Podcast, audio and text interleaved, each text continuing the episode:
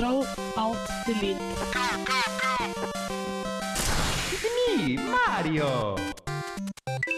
Kontroll, alt, delete.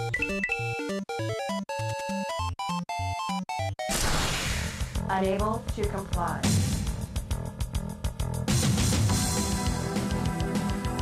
Unit under attack. Auto shutdown. Sequence in progress. Ready to serve, my lord. Hjertelig, hjertelig, hjertelig velkommen skal du være til nok en herlig utgave av Kontroll alt delete her på Radio Revolt, programmet for deg som elsker alt som kan krype og gå innenfor dataspillenes magiske, fantastiske verden. I løpet av dagens sending skal du som alltid få litt eh, spillnyheter. Bård skal gi deg litt spilltrivia om ventetid og datoer. Vi skal ha ukas spørsmål, og ikke minst lansere en helt, helt flunkende ny spalte. Men før den tid skal du få Torgny. Her får du låta som heter Grønn ekstra.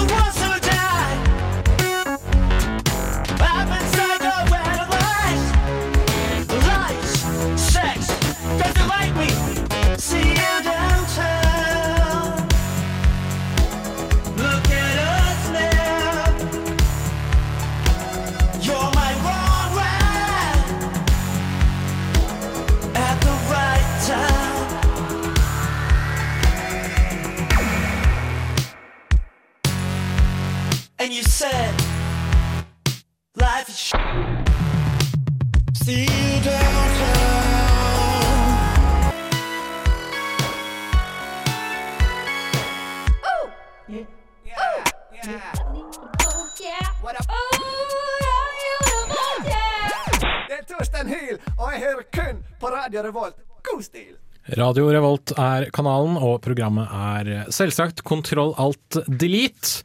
Du fikk eh, Torgny med låta som heter så mye som Grønn ekstra. Eh, Jens Erik Våler heter jeg, dagens programleder. Eh, og vi har dessverre ikke et fullstappa studio i dag, men det er et veldig maskulint studio. Det er en eh, overflod av Skjegg. er Skjegg. Ja, vel. Ja, hår, i hvert fall. og er, er det X- eller Y-kromosomer, Hallgeir? Eh, begge. Begge? Ja. Ok, da greit. Da, da vet vi det. Jeg kan ikke sånt. Jeg, Mest- jeg kan ikke sånt, jeg går på drager. Her er mest Y, kan vi Ja. si. Mest. Stemmen der var i hvert fall Hallgeir Buhaug. Hvordan går det med deg? Å du, jo takk, bare bra. Bare, bare bra. Har du spilt noe spennende i det siste? Ja, du, jeg har fått helt hekta på Rome 2 Total War igjen. Eller ja, det var, Jo, det var Rome 2 Total War. Ja. Ja, eh, jeg lasta ned noen modder eh, som gjør spillet veldig mye bedre. ja. For dette er ikke den, det som ble sluppet nå nylig, dette er det gamle Å jo, det er det Å, det er nye? Okay. Ja. Fordi det var jo litt sånn buggy og kjipt i starten. Ja, bugsene er vekk. De er der fortsatt? Som, nei, ja, ja, Ok. eller det er et par bugs, men uh, dem Det er ikke game-breaking noe mer, da. Er det Mhm. ikke. Og, men um, det er på en måte gameplay har jo heller ikke vært optimalt. Men um, det nye mod, altså Det er jo veldig, veldig mange modder du kan laste ned til det, og med Steam uh, Workshop så, jo, så er jo det en lek. Så det er ganske greit. Ja. Hvilken, eh, hvilken side er det du foretrekker å spille på? jeg på si? Ah, da jeg spiller alle. Jeg, jeg klarer aldri å gjøre meg ferdig med en uh, campaign. Jeg må bare begynne på med et nytt land etter sånn 50 tu turer eller sånn. Det er litt samme måten jeg spiller Civilization 5 på. Ja, ja, ja, ja. Helt det samme. Ja. Du, du greier aldri å bli ferdig. Fordi at når du starter på nytt igjen, så bare ah, Nei, annet land denne gangen. Ja, ikke sant. Uh, Tredjemann i studio er eh, som alltid Bård Æstad. Hei du! Halla. Hvordan går det med deg? Det går veldig bra. Eh, på søndagen så for jeg på eh, julebord for oss på Oi. Game, som involverte ikke spesielt masse alkohol, men i stedet Munchkin, som jeg klarte Yes, fremdeles å bli litt so nice. uvenner. Eh, og der så spilte vi en god del eh, lokal multiplayer, hvor vi alle sammen fikk hver og kontroll. Og det er masse kult som har kommet ut i det siste. Uh, Nidhogg, Nidhogg- Samurai Gun, kanskje? Ja. Det er de to vi spilte for det meste, og folk burde ta og få øynene opp for det her nå. Nidhogg er et uh, fektespill som ser ut som det burde ko- komme fra Kommandore 64 eller noe sånt mm. det her nå. Men det er veldig kontekstbasert. Det er 2D du s- eh, eh, To forskjellige personer. En person har lyst til å komme seg helt til venstre, og den andre personen har lyst til å komme seg helt til høyre. Eh, Og eh, ta og Sjekk det på YouTube, for det ser awesome ut. Og eh, Samurai Gun er også kjempekult. Der er alle sammen samuraier, og hvor eh, du har muligheten til å skyte tre ganger. Litt sånn Assassin's Creed-style. Og eh, det, det er sånne veldig kule retrospill som har overraskende masse funksjonalitet. For dere som har hørt om kortspillet Cards Against Humanity, så er det samme fyr som står bak Samurai Gun, som står bak Cards Against Humanity. Max Wow. Temkin. -hmm. Eh, så det kan være verdt å ha med seg. Men jeg, jeg har ikke spilt dem sjøl, men jeg har sett noen videoer av det, og det ser kjempekult ut. Og jeg har lyst til å få noen kompiser foran dataskjermen og spille det, selv om det kanskje blir litt komplisert. Eh, selv så har jeg blitt veldig hekta på mobilspill, fordi før jul så fikk jeg meg en sånn superfancy telefon. Jeg oppgraderte fra Android 2,2 til Android 4,4. Eh, og fått sånn eh, Google-utviklet eh, Nexus-telefon. Så jeg har spilt veldig mye Tiny Death Star okay. som går ut på at du er Darth Vader og skal bygge The Death Star. eh, I stilen til Tiny Tower. Da. Så du bygger liksom etasjer oppover med da ulike servicetilbud uh, og ulike butikker, ulike matsjapper og steder folk kan bo. Da. Og så bygger du sånn Imperial-nivåer liksom under alt mulig annet. Da. Hvor du kan uh, avhøre eh, eh, opprørsspioner, du kan eh, trene sånn jedi-krefter og sånt. Og alt da selvfølgelig handler om å tjene mer penger eller tjene mer bucks, som gjør at du kan skippe over masse prosesser. Da. Og det er sånn derre det er jo på en måte Farmville-modellen, på en måte. ikke sant? Ja, Hvert femte minutt så skal du gå inn og skal du gjøre noe nytt, men det er liksom det er gøy da når jeg sitter og holder på med noe annet. Ja, nå tar jeg opp telefonene, så spiller jeg litt grann Tiny Death Star i fem minutter, og så lukker jeg det og putter mobilen tilbake. Vi vet det funker. Vi vet det funker. Og så er det det at det er, det er Star Wars, da. Og nå hører sånn chiptune-heismusikkversjon av Star Wars Main Team hver gang jeg skrur på spillet, er faktisk litt morsomt. Faktisk. Eh, men eh, kult. Eh, vi skal gå videre til litt uh, spillnyheter etter at vi har hørt Spider God med låta Empty Rooms.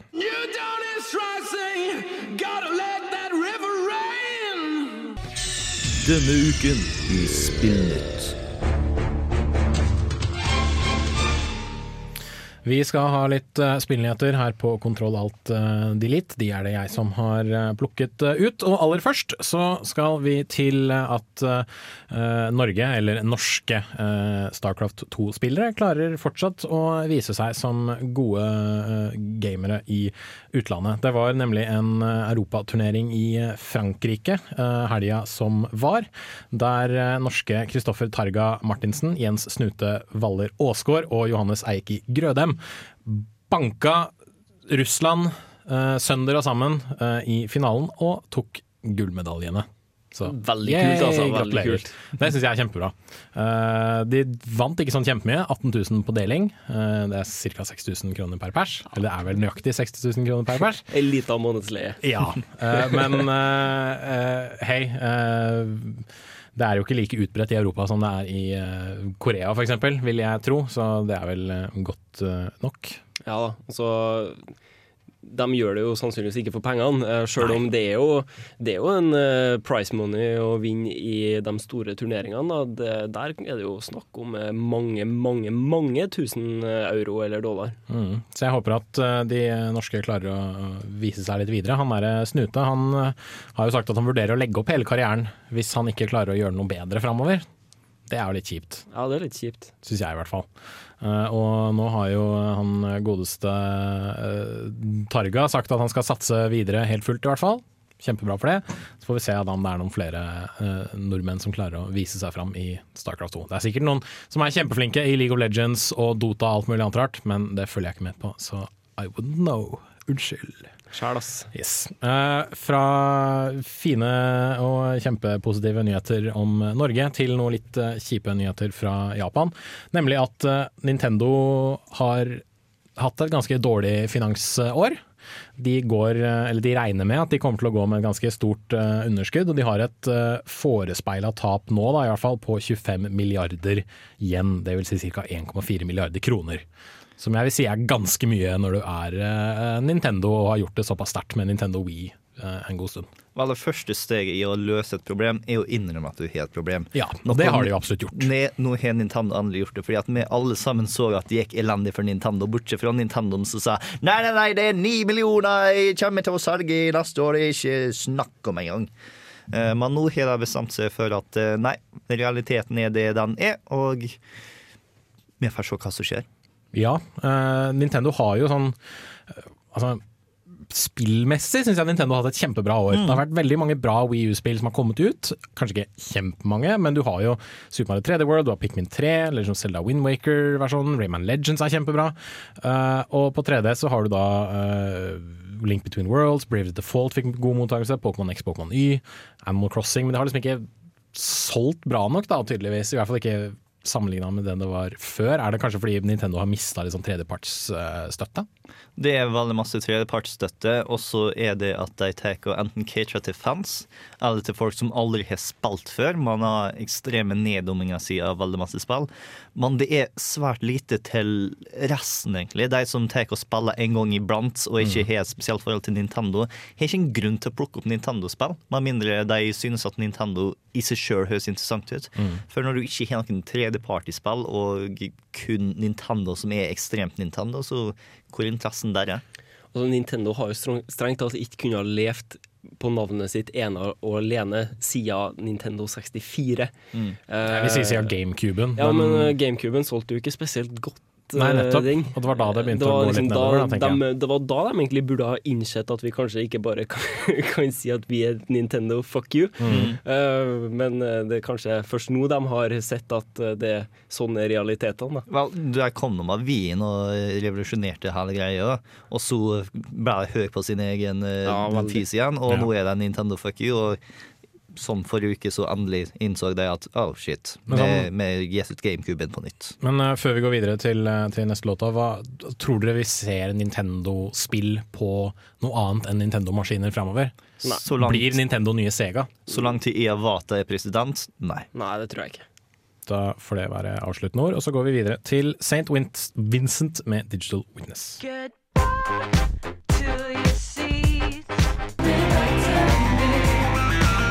How you doing? This is uh, Sahara Drek, uh, StarCraft commentator. I have not talked to a woman in over a decade, and you are listening to Control Alt Delete.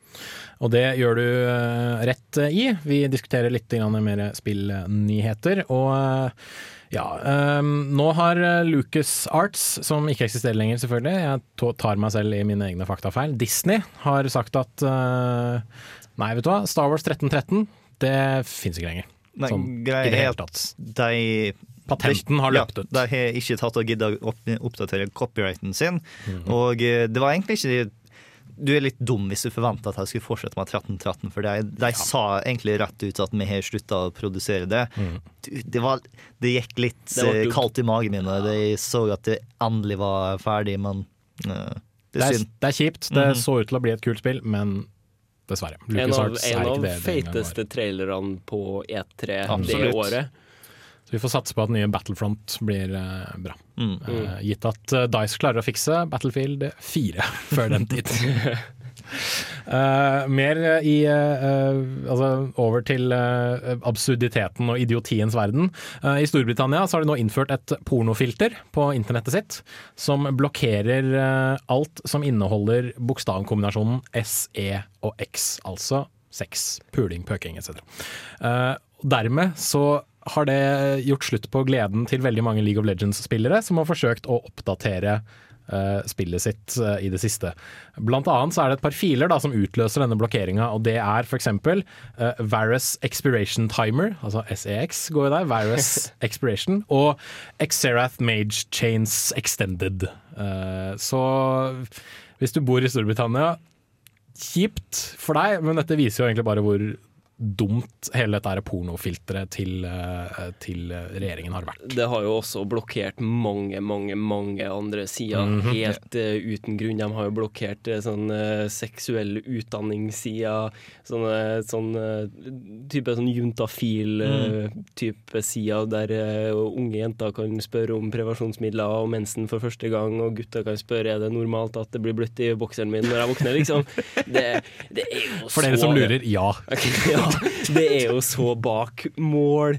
Og det verste er at de klarer jo ikke å blokkere pornoen. Nei, ikke sant? Ta kommer ikke til å overleve året. Det, Nei, det sier her nå, også. Det er som det der, De som vil piratkopiere, finner måter å piratkopiere, Ja. selv om du slår ned på torrents. Altså, Det fins alltid et eller annet vis. Uh, apropos ting som er helt bak mål, uh, som en siste nyhetssak. det er nemlig at utvikleren av Candy Crush Saga, King.com, vil at eh, vikingspillet The Banner Saga skal bytte navn. Hvorfor? Jo, fordi King.com tror at The Banner Saga kan forveksles med alle andre sagaspill som King har laget. F.eks. Candy Crush Saga, eh, eller Papa Pear Saga, eller hva faen det heter. Alle de greiene der, da. Eh, som andre ord, de har, de, har, liksom- de har registrert ordet candy som et varemerke, bl.a. i Europa. Da. Og Derfor må jo selvfølgelig da Ja, både Candy og. Saga er Ja. varemerker for deg. Men eh, altså, jeg, jeg- bare lurer, er det sånn at ethvert ord nå er up for grabs? Er det sånn at jeg kan bare ta fram ordboka mi, og så, og så blar jeg opp eh, patentkontoret, og så sier jeg OK, er det noen som har patentert ordet Ja, skal vi se sebra? Har hun penger og advokater nok? Ja. Ja, absolutt, altså.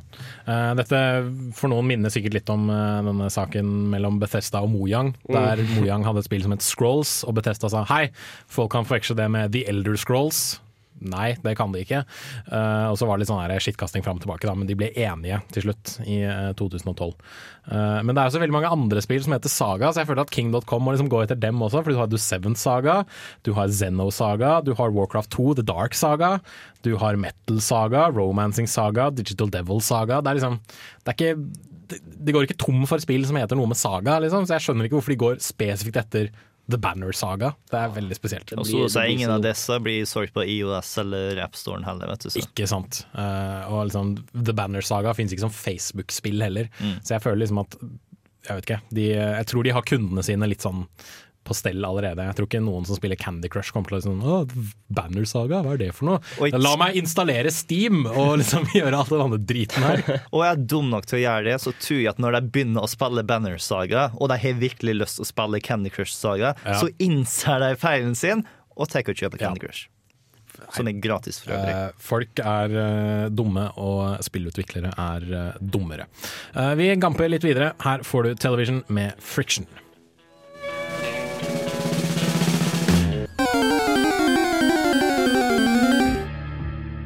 Masse av spillkulturens humor bygger på gameres utålmodighet for Half-Life 3.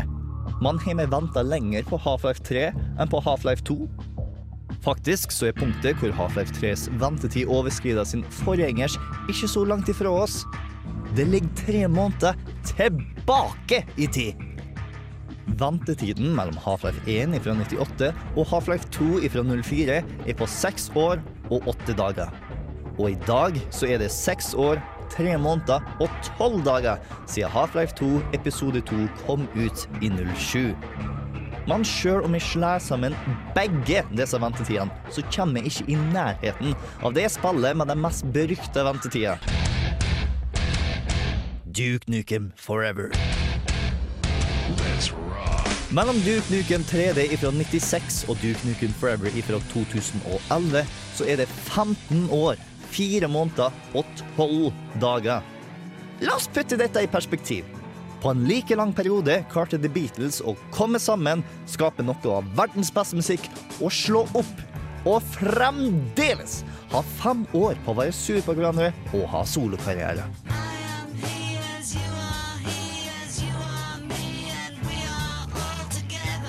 Men til tross for Dukes eksempel, så betyr ikke lengre ventetid dårlig kvalitet. Mellom Fallout 2 i 98 til Fallout 3 i 08 er det 10 år og 21 dager. Du kan presse begge verdenskrigene inn i den samme mengden av tid. Krigen som, ironisk nok, endrer krigføring. Og mellom Metal Gear 2 Solid Snake fra 1990 og Metal Gear Solid i 98 er det åtte år, én måned og 14 dager. Det er en periode som er lengre enn Pierce Brosnans karriere som James Bond.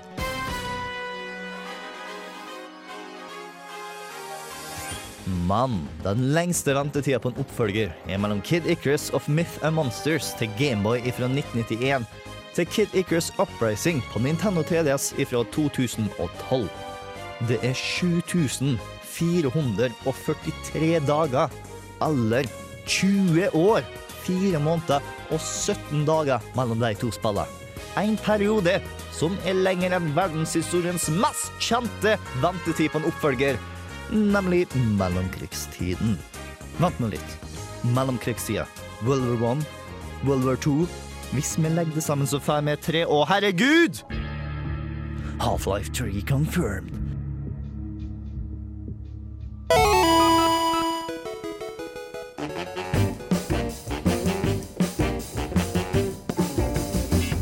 Er det et spill du aldri kan tenke deg å spille igjen, til tross for at du elsker det? Dersom du kunne spilt kun et spill i et år Hva er det eldste spillet i backloggen din? Og du var på en øde øye i helvete mens du var 11 år gammel Hva syns du er det beste spillet folk flest ikke vet om? Hvilket sted for et spill kunne tenkt deg å feriere i? Har du noen gang blitt forelska i en spillkarakter? Hva er ukas spørsmål?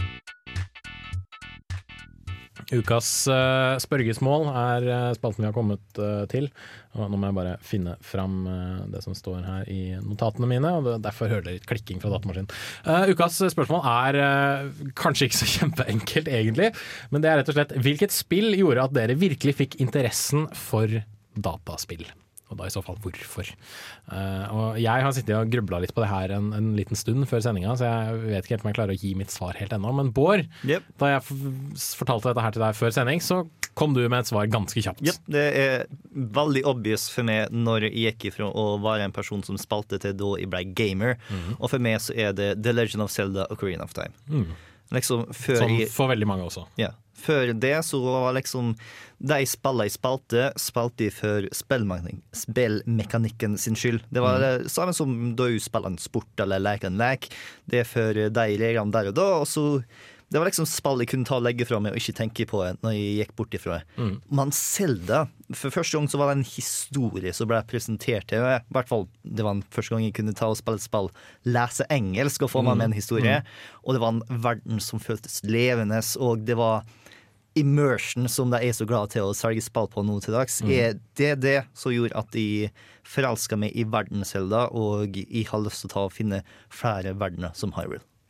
Hallgeir, hva med deg? Du sleit litt med Ja, Da vi diskuterte det under låtene her, så sleit du litt med det du også? Jeg har slitt litt, eh, men jeg tror jeg har kommet fram til svaret med litt, sånn, med litt forbehold om at jeg husker kanskje feil om hvilke spill som kom ut først, osv. Mm. Men jeg tror at det må bli Uh, No One Lives Forever. Som mm. Det kom vel ut i 99, tror jeg. Mm, godt mulig. Ja, det vet jeg ikke. Eh, og det, var fantastisk, altså. Og jeg tror jeg, jeg kan eh, Jeg, forstår hva du mener, Bård, Mm. når du sier at det, det er på en måte det spillet som du først begynte å tenke på når du ikke var der. Absolutt. Og uh, det, var, det var et spill med, med humor. Uh, men samtidig var det seriøst nok. Det var det var et perfekt uh, spill rent eh, spillmekanisk. Og det var Jeg ble rett og slett solgt da fra de første minuttene jeg satt med det spillet. Og det, jeg spiller det ennå den dag i dag, liksom. Og det, det, Ligger det ute på Good Old Games, eller? Uh, det er ikke jeg sikker på. Du kan jo Du har en fysisk kopi som du drar frem hele tida og puster støvet? Ja. Ja. Det. Det er dedikasjon, det må sies. Uh, personlig så vet jeg ikke helt om jeg eller, hmm, Nå tror jeg, jeg tror jeg fikk en liten sånn inspirasjon. Fordi altså Spill har alltid vært en del av livet mitt på et eller annet vis, Mm. siden jeg fikk en Gameboy da jeg var sånn fire-fem år gammel. Altså Jeg fikk en, og broren min fikk en da vi skulle på ferie, fordi det ville selvfølgelig være urettferdig at én fikk en spillkonsoll og ikke den andre. Mm. Fordi mamma og pappa ville helst at vi ikke skulle krangle da vi var på ferie, da, selvfølgelig. Så liksom, jeg, jeg klarer liksom ikke peke ut ett spill, men plutselig nå så spratt det litt inn i huet mitt. Fordi eh, vi var ikke et Nintendo 64-hus, vi var et PlayStation 1-hus. Jeg og broren min gikk sammen og spleisa på den med litt hjelp fra foreldrene våre da vi var yngre. Og det spillet på PlayStation 1 jeg har spilt aller, aller mest, der jeg virkelig gikk inn for å prøve å lære hemmeligheter og sånt nå, det er Crash Bandicoot 2. Mm. Uh, ikke nødvendigvis for historien, og sånt nå, men da, liksom, da du fant ut at etter, de, etter at du har samla de der 25 krystallene, så er det liksom Å, shit, nå er det masse andre uh, sånne diamanter du kan samle sammen, og da får du en helt ny slutt. Og eh, hvis du, liksom, hvis du kommer deg hit uten å dø, så kommer du på en plattform til et nytt sted som er enda vanskeligere. Og hele den der liksom å finne skjulte veier i nivåene, og så liksom teleportere deg til et helt nytt sted og sånt noe, det liksom det gjorde at jeg har sunket flere hundre timer inn i Crash Bandicoot 2, så jeg må nok gå for det. Det er et kjempebra spill. Jeg håper at det kommer mer Crash Bandicoot, for jeg savner virkelig Crash Bandicoot. Han var kjempekul. Og så tok Activision og rævkjørte han ganske hardt med veldig dårlige spill. Så jeg håper liksom at de gir den til en god plattformutvikling, for det, jeg savner Crash Bandicoot. Seks år siden sist gang det kom et eh, Crash-spill. Ja, og det var ganske drit. Her får du Cat Power, Silent Machine. Come through it's in its streets every night.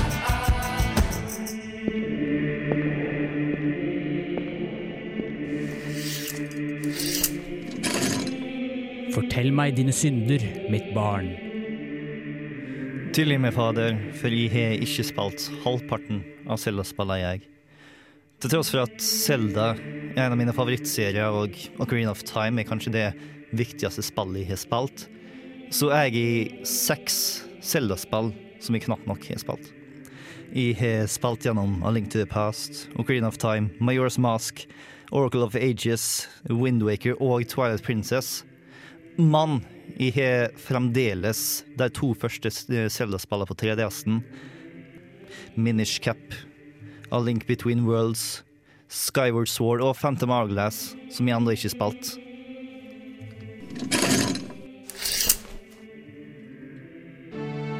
I navnet til spillet, spilleren og den uunngåelige oppdateringen. Dine synder er tilgitt.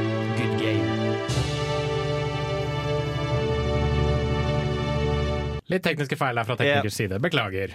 Sånn. Der. I hvert fall. Ny, Min feil. Beklager, Bård. ny spalte Eh, ja. som barnesjukdommer. Vi fikser det til neste gang. Yeah. We'll fix it in post. Men eh, ja, det, det, det, dette er en eh, stor synd, vil jeg si, Bård. Mm. Eh, dette er dårlig gjort av deg. Ja. Jeg har- Jeg er ikke spesielt stolt av det. altså. Jeg har faktisk spilt, jeg har spilt flere Zelda-spill enn deg. Tydeligvis. Ja, det har ikke jeg. nei, nei, men Jo, da, jo det, det har jeg faktisk gjort. Da, da har jeg spilt flere Zelda-spill enn deg. Mm. Uh, det Hva skal jeg si? Det, jeg vet ikke om det gjør, fyller meg med stolthet. Det gjør det ikke. Men altså um, Spirit Tracks er OK. Phantom Hourglass er OK, ja. Uh, Skyward Sword bør du egentlig spille. Ikke nødvendigvis Mm. pga. mekanikken, men fordi den setter en fin sånn startpunkt for Zelda-tidslinja. Mm. Nei, Det største grunnen for at jeg ikke har spilt mange av disse Zelda-spillene her nå, er fordi at Zelda er spesielt. Og hvis jeg bare tar og spiller som noe i bakgrunnen, så føler jeg at det ikke gir det skikkelig nok vekt. Det er liksom sånn, Jeg er nødt til å dedikere de neste to ukene så er det Zelda som er på menyen, og inntil noe annet. Og eh, det er liksom alltid sånn "Æ, Men så vet jeg at det spillet er litt på vei, så jeg venter til jeg har skikkelig tid. Men da foreslår jeg at du eh, til helgen kan du spille Link Between Worlds, for det vil ta deg ca. to dager å bli ferdig med. Mm. Eh, jeg kjøpte det da det kom til lansering, og mandagen etter at det var kommet ut, så var jeg ferdig. Hmm. Virkelig, altså. Eh, for du, siden du, du sier du har spilt Link, eh, Link to the Past, og siden du har spilt Link to the Past, så uh, er det ikke så veldig mye som er sånn kjempeoverraskende i uh, Link Between Worlds, og du klarer egentlig å se hvor ting skal gå ganske kjapt, Mm. tenker jeg da. Og uh, største grunn for at jeg ikke har spilt de to første spillene på Nes, som jeg fikk på uh, 3DS-en min uh, Mesteparten av spillene har jeg fått i stedet for å ha kjøpt. Uh, de to første Nes-spillene og Minish Cup fikk jeg fordi at de kjøpte 3DS-en tidlig, og Nintendo ga med dem da de satte ned prisen. Og Skyward, Skyward Sword fikk jeg i julegave. Eh, og det største grunnen for at jeg ikke spilte to på Nes, er fordi at jeg har lyst til å vente til jeg fikk en XL. Noe jeg nå har fått, så uh, jeg har Nå har du ingen unnskyldning. Ja, nettopp. Eh, Jeg spilte det første Zelda-spillet, Legend of Zelda. Mm. Og det, eh, det jeg kan si om det, er at det er Det er vanskelig. Mm. Det, Ja. der må du sette av litt tid, altså. Mye tid, for det er så vanskelig. Og toeren er visstnok enda verre. Ja. Den er visstnok Det er da du har RPG-elementer, og du går sidelengs og Ja, og du har en litt sånn slibrig gammel dame som ber deg inn i huset sitt. Og sier hun er helse. Ja. Og alle som har spilt GTA, vet hva som skjer da. Pervo, altså. uh, men Minish har du spilt. Ikke ennå. Hva?! Det er jo ah. Nei, virkelig, altså. Jeg vet ikke om jeg kan tilgi deg den synden der, altså, bare selv om eh, vår digitale prest uh, gjorde det. Vi går videre. Her er Wild Beasts Wonderlust.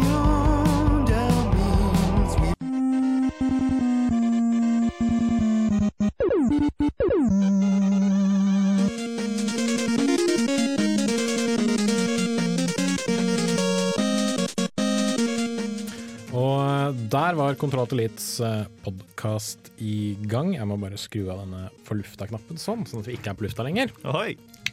Yeah. Uh, yes. Uh, Jens Erik heter jeg fortsatt. Uh, jeg har fortsatt med meg Hallgeir og Bård i studio. Hei du. For de som lurer på hvor Hanna og Sondre er, så fikk jeg bare en mail fra Sondre der det sto eh, 'Jeg rekker det ikke', eh, og det får vel bare gås for god fisk.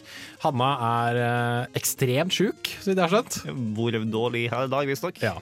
Det er eh, leit å høre, så hvis du hører på oss, Hanna, så ønsker vi deg eh, god bedring, heter det. Når du er ekstremt sjuk, er du da veldig sjuk, eller står du på skateboard mens du er sjuk? Jeg tror at man er da veldig sjuk. Hvis man er ekstremt sjuk, da står man på skateboard når man er sjuk. OK, ja, det er sånn det var. Yes. Det er sånn jeg ser på det, i hvert fall. Det er da du begynner med basehopping. Ja. Extreme! Mhm. Eh, yes. Uh, I dag så skal vi diskutere litt uh, spill som vi gleder oss til i løpet av året som kommer, eller året vi er i nå. Det heter så mye som 2014. Eh, og um, You might have heard of it. Ja, you might have heard of it. Vi kryssa over i det for sånn 20 dager siden, så du bør ha fått med deg regninga nå, med mindre du har ligget i koma eller sovet under en stein de siste to ukene. Ja, for 2013 er bare så 2013. Yes. Nei. Uh, så altså, hvordan skal vi gjøre dette her? Uh, vi vi snakka litt, uh, vi litt om det før vi begynte med opptaket, rett og slett. Og vi har jo, jeg sitter og lager min liste mens jeg prater, egentlig. Og dere andre kom forberedt, i motsetning til meg, og lagde liste litt sånn på forhånd. Eh, skal vi gå gjennom, fordi jeg, jeg har veldig mange spill nå, skal vi liksom gå gjennom for hver og en? ja, jeg tenker bare at vi tenker å begynne å snakke om de spillene vi gleder oss aller mest til. Ja. Og så eh, etter hvert så har vi mindre og mindre lyst til å snakke, og da snakker vi mindre og mindre om de spillene vi ikke liker lyst på. Right. Mm. Uh, da tror jeg vi kan gjøre det sånn. Uh, Ja. Er det noen som har lyst til å begynne mens jeg sitter her og Vel, Hallgeir har faktisk rangert sine spill, i motsetning til skrev ned mens jeg kom på. Ja, det ble litt sånn eh, det var, det var, Jeg rangerte egentlig bare for at jeg, jeg var så veldig klar over hva jeg hadde på førsteplass. Eh, og så etter jeg begynte å komme på sånn fjerde-femteplass, så var jeg litt sånn ja, ja, det gleder jeg meg jo litt til. Så jeg gleder meg vel litt mer til det enn det. så, ja, men førsteplassen er ganske klar, da. Og det er Titanfall, fordi det Yeah. ser så fett ut! Indeed. Fy fader. Det, tror jeg, det spillet tror jeg er bygget på testosteron, sånn utelukkende. Testosteron og svettelukt. Det er basically oppfølgeren til Battlefield 2142 som jeg aldri fikk. Og som, eh, og som har laga et ulegitimt barn med tribes. Mm. Og litt Mirror's Edge. Mm. Ja. Ja. Eh, jeg har spilt det sjøl på Gamescom. Jeg kommer aldri til å slutte å si at jeg har vært på Gamescom, sånn bare så dere vet det. Eh, og Hands up, barnebarna til Jens Erik. det er faktisk ganske tøft. Det er det, altså. Eh, svære roboter og mye drønning og mye tung, tung, tung, tung, tung, tung, tung. Og liksom du er alltid i kampen hele tida, og det er Mm. kjempe, kjempegøy. Det, det ser utrolig si, eh, fast-paced ut, da. Mm. Jeg vet ikke om jeg fikk et godt ord for det.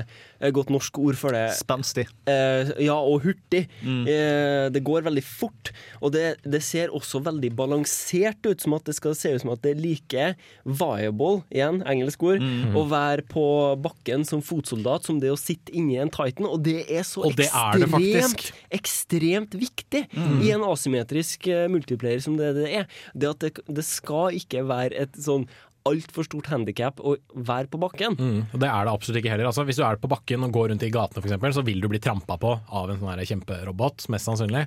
Men alle har liksom anti-Titan-våpen. Ja, og jetpacks. Yes. Så liksom par liksom, knappetrykk, så er du liksom på toppen av et bygg, og så er det ja, fram med rakettkasteren. To-tre raketter. Så feller du en sånn jævla jernkjempe, og så ser du piloten skyte seg ut sånn 50 meter opp i lufta uh, i sånn derre ejector seat, og det er drittøft. Og så sniper du når Yes! det detter ned. Yes, Det yes, yes, er yes, så fett. Men hva, hva tenkte dere dere fikk høre at uh, multiplayer er maksimum seks mot seks? Jeg tenkte uh, Det går helt fint. Det blir uh, intenst. Ja. Uh, Counter-Strike. Have you heard about it? det er ganske intenst, ikke Mm. sant? Og der er det jo gjerne type seks mot seks. Eh, det kan være færre òg. Det kan være fem mot fem eller Mm. fire mot fire. Og det funker veldig bra. Det har med hvor skalert spillet er til hvor mange du faktisk er der. Og husk, spillet er jo også befolka av veldig mange botter. Mm. I tillegg til at uh, når du er pilot, så kan du gå ut av Titanen din, og så kan du bare si til Titanen din at uh, bare gå og lek deg og skyt noen folk. search and destroy. Ja, Mhm. search and destroy. Og da, da får du jo kanskje effektivt på en måte tolv spillere som er på en måte OP, og så får du en haug med NPC-er som du kan også fære rundt og kverke. Og de kan, og de kan Mhm. kverke deg også. Og det, eh, det gjør at kampen på en måte får en mye, det blir mye mer levende, syns jeg, med alle de der småttisene som fær rundt og springer rundt. Eh, men i tillegg så blir den ikke sånn uoversiktlig og kaotisk som på en måte hvis du noen gang har spilt sånn 36 mot 36 i Battlefield, Ja. og, og alle sammen befinner seg på eh, 20 ganger 20 meter. Ikke sant? Det funker bare ikke. Det er ikke et sånt spill der du blir skutt ned hvert Hvert minutt, nesten, Ja. fordi, du liksom, fordi du er spredt så mye, så mye rundt. Da. Mm. Nei, eh, jeg, jeg ble ganske letta da jeg hørte at eh, grunnen for at jeg valgte det, var ikke pga. Uh, maskinvare, men fordi at spillet fungerte best på den måten. Mm, mm. Og da å bli skuffa over det er samme som å ta være vant til fotball, og så kommer noen og pitcher basketball til det. Hvor de sier det er fem eh, stykker på hvert lag. Jeg bare sånn, What?! Hva med Ja, ja. elleve? Ja, jeg spiller fotball når det er kun fem på laget. Det er så kjedelig! Kom an! Jeg tar bare elleve stykker per lag i basketball. Dette går bra. Altså, jeg, jeg velger å tro at gutta som klarte å revolusjonere førstepersonsskytteren, altså West og Det Zampella, er moderne online multiplayer-spill. de burde nok klare å liksom bringe arven fra Modern Warfare videre til Titanfall. Og er det ikke forfriskende at det på en måte er et spill som, som tør å gjøre noe så spenstig som å si singleplayer singleplayeren i det spillet her? Altså, det skal være historiedrevet. Den finner du bare i multiplayeren. Så at multiplayer-brettene har liksom en minuttslang intro, en cinematisk intro. Det er kult, da! Nå skal det nevnes at det har blitt gjort før uh, i uh, Hva var det det het? Brink Ja. gjorde det vel.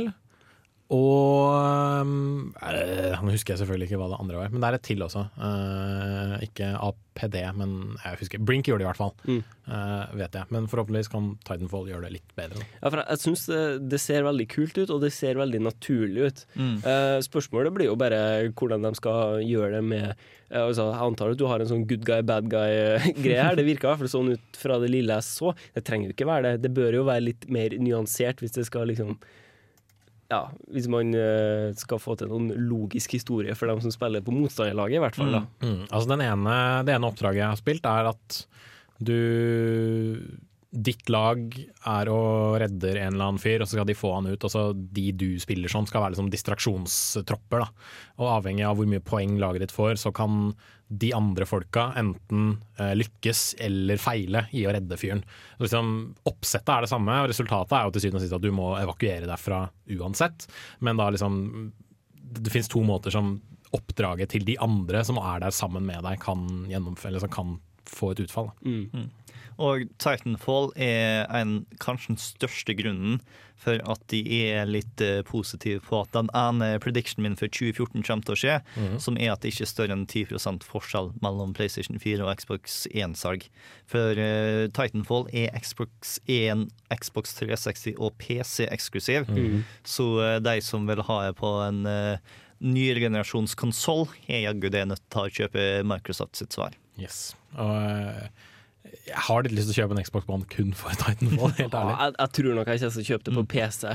Uh, for min del. Spillet ser ut som yeah. en veldig sånn rask FPS, Mm. og min erfaring med de raske FPS-ene Det er at du klarer, du klarer bare ikke å matche det. Altså. Det- Det er sant. Uh, altså, alle husker jo hva som skjedde når de med en kort tid prøvde å uh, kjøre cross-platform Halo. Mm. Eh, PC-spillerne, ADO, Xbox-spillerne så Master Race. grundig Kan jeg bare si hvor mye jeg hater uttrykket PC Gaming Master Race?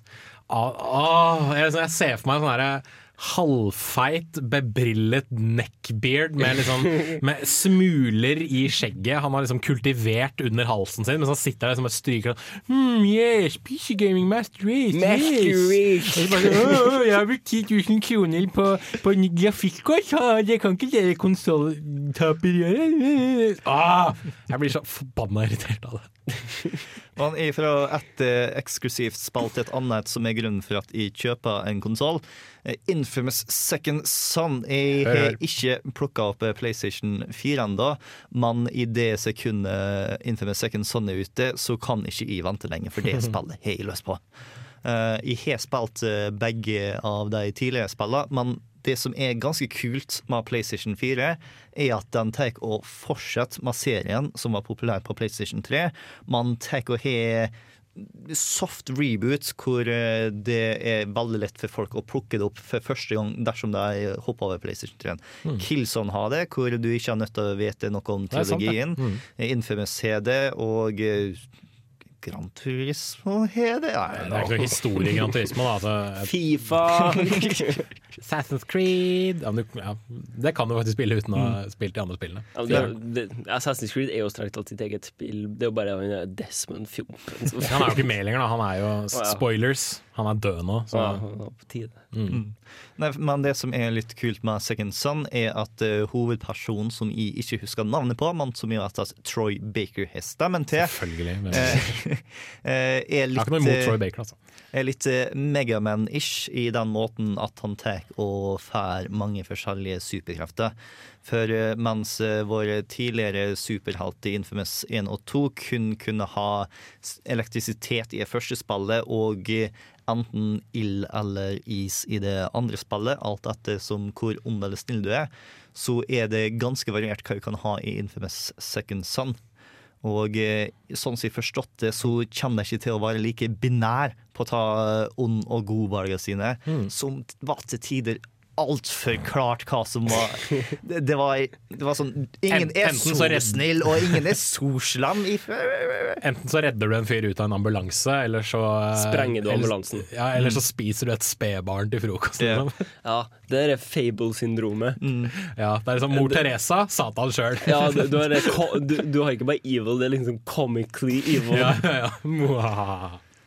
Og Jesus Christ, så fint eh, Second Son ser ut. Oh, ja. det, det, det liksom, jeg tror det blir første spillet hvor det er sånn skikkelig next gen. Det tror jeg nok. Eh, med litt andre ting innimellom. Altså, ja, det, er, det kommer vel en del Xbox One-spill til uh, Norge da. Jeg vet at uh, Dead Rising kommer rundt de tider også, er det vel foreslått? Uh, hvis det, det er da Actually, det Second Son kommer ut den 21. mars. Ja. Og Xbox 1 har ikke fått en dato ennå. Det har overraska meg egentlig om de kom, kommer før 21. mars, og vi har ikke hørt det ennå. Men da trenger du liksom ikke å ta og se så masse mer enn Øy, om to uker så kan du kjøpe Xbox igjen, go, go, go! Bare nei, dra til London og kjøp med en konsoll hjem, så går det sikkert fint. Kanskje, hvem vet. Mm. Uh, var det noe mer, Hallgeir, på lista di? På lista mi, ja. Å ja, ja, ja. Eh, men eh, er det ikke din tur, da? Ja, det er meg, ja. Ja. Å, oh, gud a meg. Jeg, jeg har plutselig en veldig lang liste. Jeg vet hva, jeg tror jeg skal gå for liksom Nintendo-spillene. For jeg er jo en Nintendo-boy at heart. Og da trenger vi ikke se lenger enn til februar. Og uh, Donkey Kong Country, Tropical Freeze. Eh, det høres ut som en sånn slush du får på en isbar. Det gjør jo Ja, det. ja, det gjør det. Liksom, tenk deg liksom Pina colada-smak med litt sånne tropiske frukter og sånt, så er det bare liksom is. Eller en Ben Jerry's iskrem. Ja, ikke sant? Noe Mm. sånt noe. Uh, men det ser forbanna pent ut, og det ser forbanna gøy ut. Og det forrige Donkey Kong Country til uh, Wii og 3DS var kjempetøft. Det var sånn veldig sånn old school, klassisk Donkey Kong country-spilling. I den at du liksom, Hvis du rulla fra en kant, så kunne du fortsatt hoppe ut av rullen, selv om du var midt i lufta. Uh, og vanskelighetsgraden var liksom det man kaller Nintendo hard. Mm. Det er liksom tilgivende, men likevel vanskelig.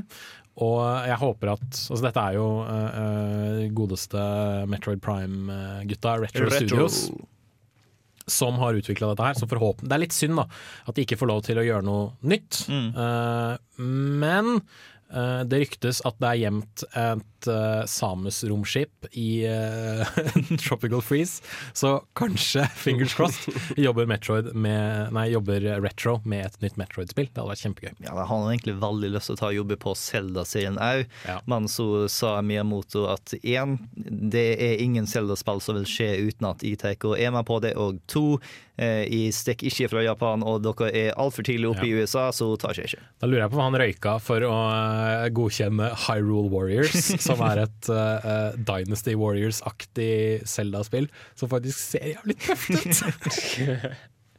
jeg må innrømme at det ser, jeg syns det ser kult ut, altså. Eh, virkelig. Det er liksom link mot horder på horder på horder av fiender. Hvor du liksom, hvis du bygger opp en stor nok kombo, så kan liksom ett sverdsveip ta med seg sånn 30 stykker fordi du forlenger det med sånne magistråler og sånt. Og det ser helt fullstendig whack ut, for å si det på den måten, og jeg syns det er veldig, veldig kult. Høres ut som noe for Erik. Ja, ja, ja. Absolutt. Og, eh, men jeg tror jeg, har, jeg velger å tro at Donkey Kong Country Tropical Freeze blir kjempegøy. Nå er jo Cranky Kong med, og Ja. Dixie Kong er med. Største grunn for at de løser spillet, spillet, Cranky Kong. Ja, og så vidt jeg har skjønt, Cranky Kong hopper rundt på stokken sin, Mm. akkurat som Skrue McDuck i Ducktales til NES og Gameboy. Så Nice. uh, ikke sant? ekstra nostalgi der. Det syns jeg ser tøft ut, da. Eh, så ikke så altfor lenge eh, til det kommer, så det er bare bra. Og da får jeg flere spill til uh, Wii-en min. Mm. Skal vi ta en liten pause? Litt Ta musikk. En, ta en liten pause. Ta en liten pause. Fra Eh, et Nintendo-spill til ja, ikke sant? Jeg var veldig glad i Super Mario 3D World uh, nå før jul, og jeg er blitt veldig glad i musikken. Og det har også DJ Cutman, som har en aldri så liten uh, hiphop-lounge-remix. Her får du den.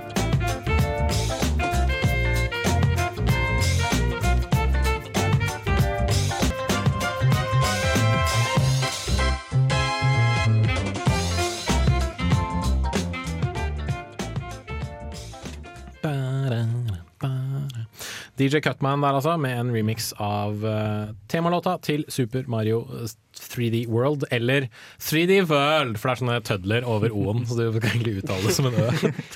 Ja, 3D World, ja. 3D World, ja. Yes. Uh, mye humor i Kontroll Elite der, altså. Uh, der vi snakker litt om spill vi gleder oss til uh, i året som kommer, nemlig 2014. You may have heard of it, yo. Eh, og eh, Hallgeir, vi kan jo fortsette litt med deg. Ja!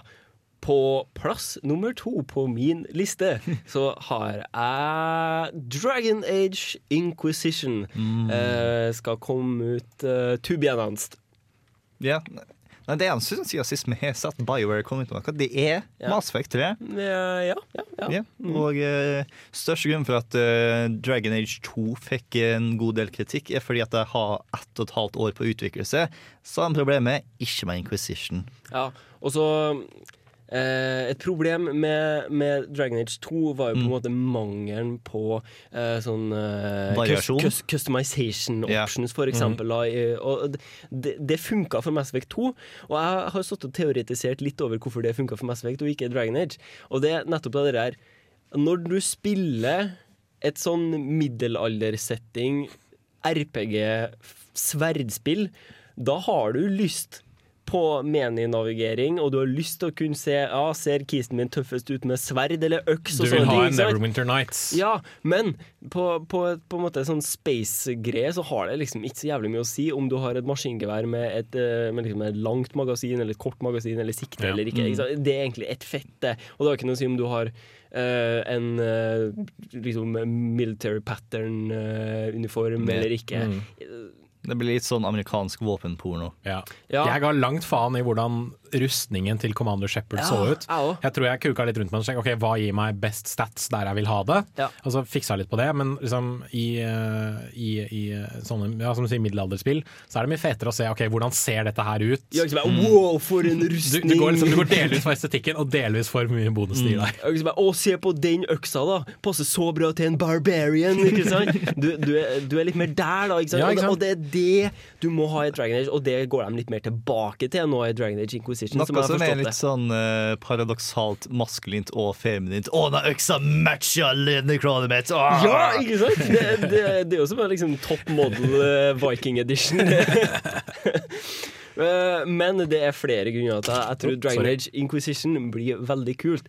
Eh, En annen grunn er jo på en måte hele systemet med at hei, nå er du the boss, liksom. Mm, Nå skal ok. du lede inkvisisjonen mot the abomination som holder på å ta over verden. Hvor fett høres ikke det ut, liksom? Men hva med Saidama magene i Dragon Age 2? Something I did? Ja, men altså, Poenget at i Dragon Age Inquisition så har Mm. du The- Veil, ikke sant? som på en yeah. måte holder de to verdenene, The Fade og, og den vanlige verden, fra hverandre, Mm. har revna. Så nå har demoner invadert, og derfor blir alle til abominations. Dun, dun, dun. Mm, og det er vel ikke bare mages. okay, så derfor trenger vi Templars, og sannsynligvis trenger vi mages òg. Mm. Det blir reconciliation, reu reu reunion, Geth and Quarian, Templar and mages. Typisk hippie BioWare. Til, tilgi meg, fader, for jeg har ikke spilt Dragon Age-spillene. Ja, drit i toeren, spill eneren. okay, det er det jeg hører. Toeren er artig, den òg. Ja, I så fall spill toeren først. Ok. Ja, for det, for det, de henger jo knapt sammen, og greit nok, men- eneren er mye bedre, så da blir du ikke skuffa. Ja. Yeah. Mm. Pluss det ser ekstremt sexy ut. Kan man skylde på Frostbite 2-motoren der? Jeg tror den brukes i alle EA-spillene. Jeg tror, jeg tror du kan skylde litt på den. Når du ser den in game-cinematikken med dragen som lander opp denne pilaren, og så Ja, nå er siden jeg meg, jeg tror den knekker, og så er det liksom sånn sand overalt. Og så bare Jeg tror ikke jeg har hørt deg så entusiastisk om et spill siden Skyrim. Jeg var ganske Ja, nei, ja. ja. Du var ganske gira på Skyrim. Og husk at det her er på andreplass. Ja, ikke sant? Mm. Etter Titanfall. Ja. Tenk det. Tenk det. Mm -hmm. uh, det jeg har på min andreplass, selv om Vel, det er litt variert hva jeg har nå, men uh, det jeg har lyst til å ta opp som et andre spill, selv om det er flere spill, er alt av Telltale. For Ja, ja, ja. eh, vi har satt første episode av The Wolf of Manges og Walking Dead season 2, og det har absolutt gitt mersmak. Så vi har fire episoder hver av begge de seriene. Og så skal vi sannsynligvis få Tales of Borderland eh, på plass i løpet av året. Og så får vi se om eh, Game of Thrones også dukker opp innen eh, nyttårsaften.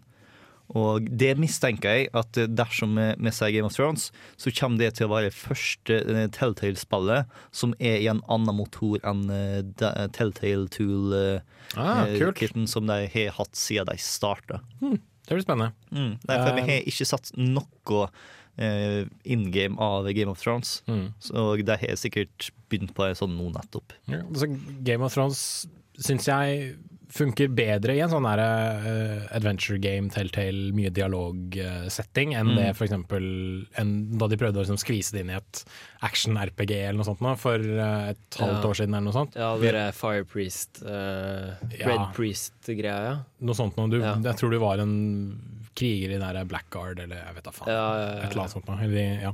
Jeg har, jeg har bare Mm. lyst til at noen skal gå gjennom sånn sesong én av Game of Thrones og bare ta og putte alle sa konsekvens-notification øverst i Mm. venstre hjørne, som det blir hver gang du sa noe i Walking Tyrion Dead. will remember you said that. Bare sånn Hei, Cersei! Jeg vet at eh, sønnen din ikke er kongen sin sønn. Og jeg skal fortelle han om det! Cersei will remember that.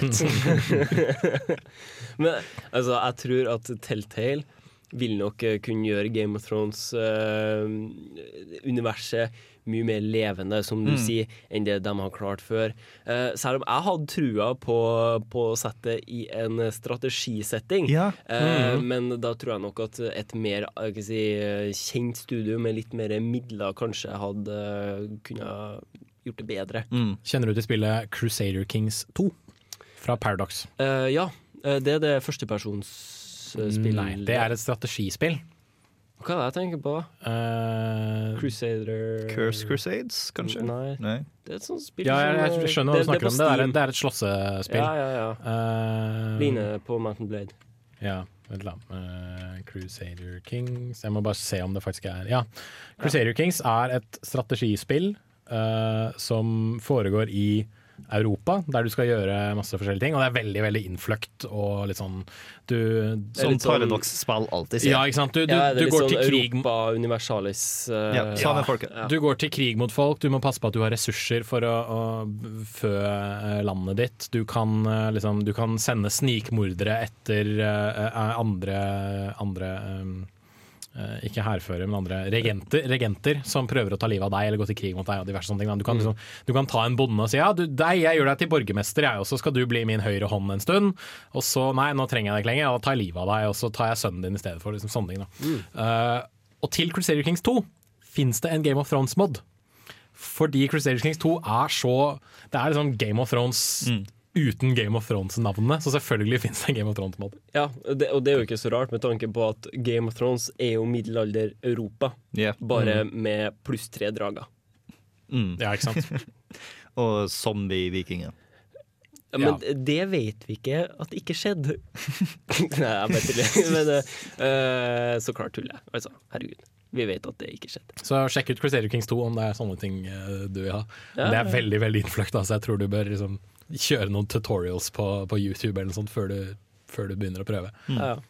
Og det som er veldig fint med Telltale Games, er at uh, it's the gift that keep on giving. Fordi at de kommer til å vare her nå i hele 2014 dersom de er flinke nok til det.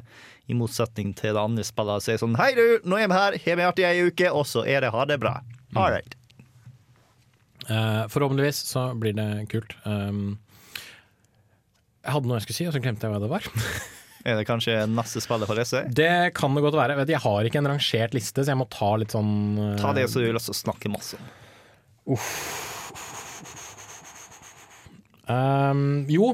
FIFA 15. Uh, Nei, kjeften din. Siden du nevnte Telltale, så Mm. skal jeg eh, gå til uh, en annen eh, favoritt av oss begge to, nemlig Double Fine. Double Fine! Ja, som nå nylig, eh, eller som nå holder på å lansere sitt første kickstarted eh, spill, nemlig Broken Age. Yes. De som har backa spillet på Kickstarter, de, eh, eller støttet som det heter på norsk, eh, de får det jo nå. Resten av oss må vente en ukes tid. Um, Til de- den 28. ja. Double Fine hadde jo faktisk en andre kickstarter. Mm. For- Callis et eller annet. Massive Chalice. Yes. Som er foreslått å skulle komme ut i 2014. Det håper jeg. Jeg krysser veldig fingra for det. Uh, fordi det er laget av en fyr, eller fyren som står bak det, heter Brad Muir. Han uh, sto bak uh, dette stritt, vandrende stridsvognspillet Trenched, oh, ja, det. heter vel. Uh, som nå heter Iron Brigade. Ja. Ja, det er Eller var det omvendt? Nei, nei, det var Trench først, så Ja, Iron Brigade. Yes. Uh, I han- Europa, og Trench i Amerika, jeg. Ja, Uh, og han er en sånn veldig sånn mechanics-guy. Han er veldig fan av Dota, blant annet, og liksom er veldig sånn, liker å liksom grave seg ned i liksom mekanikkdybden til spill. Da. Så Massive Chalice er uh, XCOM møter uh, Møter eh, Gud, som jeg står stille i dag, ja. Eh, det derre strategispillet på 3DS. Og Fire Emblem. Yes, XCOM møter Fire Emblem og masse andre sånn strategi, herlige sånne her turnbaserte strategiperler. Og så kan du uh, få uh, lagmedlemmene dine til å gifte seg med hverandre, og de kan få barn, og så kan barna bli voksne, og så kan de være med og kjempe med deg, og så kan foreldrene deres dø av alderdom fordi det går masse tid her, og så prøver de å lete etter The Massive Chalice, som er en sånn plott kupong Med Holy Grail bare med et Ja. annet navn. Og jeg tror det blir veldig kult. Liksom, ta ta liksom den type spillmekanikk med den der typiske double fine-humoren. Mhm. Og ikke minst en fyr som, som vet å liksom forstå seg på spillmekanikk som liksom regissøren bak det hele. Så tror jeg det kan bli veldig veldig tøft. Uh, så det, det gleder jeg meg litt til. Og jeg er litt bitter over at jeg ikke støtta den på Kickstarter for det spillet også. Double Fine lager jo også veldig pene spill. Det, Veldig kule det gjør de. spill. De er flinke til å, til å ta de få ressursene de har, og liksom skru dem til på Ja, riktig måte, sånn at det blir veldig pent. De stiliserer spillene sine Yeah. på en veldig kul måte. Og, og nettopp et sånn Høres ut som en litt sånn uh, humoristisk take på middelalderen. Kan jo være veldig kult på en Mm. veldig stilisert måte. Det tror jeg. Uh, og uh, uh, Jeg har også glemt hva jeg skulle si. Faen, altså! Jeg beklager, jeg er veldig veldig sløv i dag, tydeligvis. Nei, Broken Age ser i hvert fall veldig Broken Age ser veldig fint Ja, ut. det ser bra ut. Ja. Jo, det jeg skulle si var at jeg har ikke prøvd det der Space Base DF9 som er Ja. ute nå. Eh, I alfa, ja vel? Ja, Ja. på noe, noe Early Access-greier. Men jeg spilte prototypen, og jeg synes Mm. prototypen var ganske kul, så jeg har litt lyst til å prøve Space Base når det kommer eh, ut sånn i full versjon. Og det har jeg ikke hørt om. Kan du bare Det er- Ja, Eller- Se for deg Theme Hospital, bare i verdensrommet. OK. Jeg er solgt. Det er ikke litt si mer! sånn- Ikke si mer! Du- Ikke si mer! Ok, da skal jeg ikke si mer. La meg leve med bildene jeg har i hodet. Har du en til på lista di, Hallgeir? Ja, jeg har sju. Ja. Åtte. Gi meg en til, i hvert fall. Dark Souls 2. Ok? Jeg har ikke spilt verken Demons Souls eller Dark Souls. Du kan igjen gå til en verden der du dør oftere enn Megaman. Mm. Og igjen så kjennes det til å se ekstra, ekstra kult ut, ikke sant? Bare denne gangen. It's personal! ja, men denne gangen skal du dual-wielde våpen. Ah! Vel, jeg har inkorporert logoen sånn at du holder to sverd, og det blir toeren. Det må jo bli det. Yeah. Altså, alle som har noen gang laga en toer med der du kan dual-wielde to sverd, har jo gjort det. Aha. Bare se på uh, The Force Unleashed. Jeg skulle til å si The Force Mhm. Unleashed 2. Yep. Nei, Kotor gjorde det først. Gjorde det? Ja, det Nights of the Old Republic, ja. Det har to sverd? Ja, ja, ja, ja. Ja. Eller har to sverd i ene. To lyssverd og flurry-angrep og bare vum, vum, vum, vo. Mm. Og ingen som gjorde det så kult som uh, Left 4 Dead, da. Med handa som har mista så og så mange fingre. Altså på Left 4 Dead 2 så har du igjen bare to fingre. Ja, ikke sant? Mm. Det er fett. Det er fett. Nei, Dark Souls 2 eh, Sannsynligvis bare for folk som har eller jeg skal ikke si bare, men hovedsakelig for folk som liker den type spill. Og de som liker den type spill, har sannsynligvis allerede spilt Dark Souls, så jeg trenger ikke å si så veldig mye om det. Nei, de kommer til å spille Dark Souls 2. Ja, det er et spill der du dør, dør veldig, veldig veldig masse. Det er veldig, veldig veldig vanskelig. Det liksom appellerer til den old school-gameren som liksom sier her skal ingenting være gitt ved dørene. Skal ikke forklare meg hva jeg skal gjøre. Om noe så skal jeg ha et supervagt hint for tre timer siden, der det står Der det er en eller annen gammel stut som sier Uh, the bell must ring for the sun to rise. eller et eller annet sånt. Og så viser det seg at du er i et eh, rom med en bitte, bitte, bitte liten bjelle når du slåss mot en boss, eller et eller annet sånt, og så må du ringe i bjella for at det skal blende han i øynene hans, eller et eller annet sånt. Kunne ha vært en boss. Da har jeg spillet som kan eh, holde deg hva skal jeg si, i aktivitet, underholdt, på pinebenken frem til Dark Souls 2 kommer. Spelunky. Jaha. Som uh, Det er jo sånn rogelike. Ja, en rogelike-like. Ja, mm, ja mm. Sånn eh, Rogue Legacy-aktig. Ja, på en måte. Altså, hver gang du dør, så må du starte helt på, helt på begynnelsen igjen. Mm. Alt er ute etter å drepe deg, -hmm. på et eller annet vis. Uh, men reglene som gjelder for deg, gjelder også for monstrene. Så for eksempel, uh, du kan lure en edderkopp til å falle foran en felle, som da skyter en pil som treffer edderkoppen, sånn at den ikke treffer deg. Uh, du kan, la oss si at du kaster en stein på et eller annet. Steinen treffer en vegg og faller tilbake på deg. Så mister du et liv, fordi du har blitt truffet av en stein. Selvfølgelig. Ja. Uh, sånne ting, da. Uh, og det er, en sånn, det er et sånn type spill som, i likhet med Dark Souls, handler først og fremst om mestring og progresjon framfor noe som helst. Ikke sant? Hver gang du spiller, så lærer du lite grann. Litt og litt og litt og litt hver gang, og så til slutt så har du liksom klart det da, og Ja. gjort en hellrun, som de kaller det. Det er litt som å, å gjøre matte. Bare at, bare at det ser kult også, ø, ut også. Nå har jeg kjempelyst på Dark Souls 2. ja. Eller Det store mattemysteriet, som var en klassiker fra 1996. Ja, men jeg, driver, og- jeg driver og følger med på en del folk som lær tredje klasse. My god. Jeg driver og følger med på en del folk som, eh, som spiller uh, Spelunky og streamer det på nett. Og det tar liksom Han ene jeg følger, han tar to sånne warm-up runs som er liksom i adventure mode, og så spiller han det som heter Daily Challenge, som er sånn at alle spillere får det samme eh, layouten på liksom nivåene uh, når Ja. de spiller. Da. Og Det tar ca. en time hver kveld, og det er kjempemorsomt å se på. Se hvordan de liksom lærer litt etter litt. Så det, det kan være en anbefaling frem til Dark Souls 2 kommer. Og når er det kommer ut? Dark Souls 2 kommer ut eh, dagen etter Titanfall. Den 14. mars. Hva skal du gjøre da? Spille Titanfall? Du spiller Dark Souls på dagen og Titanfall om natta.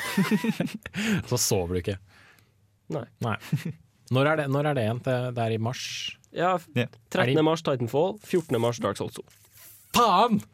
Uh, unnskyld, jeg skal på GDC den 15. mars, så jeg får ikke spilt den. Å, buhu. Jeg syns synd på det. Jeg skal i lærerpraksis. Ja! Opp klokka seks!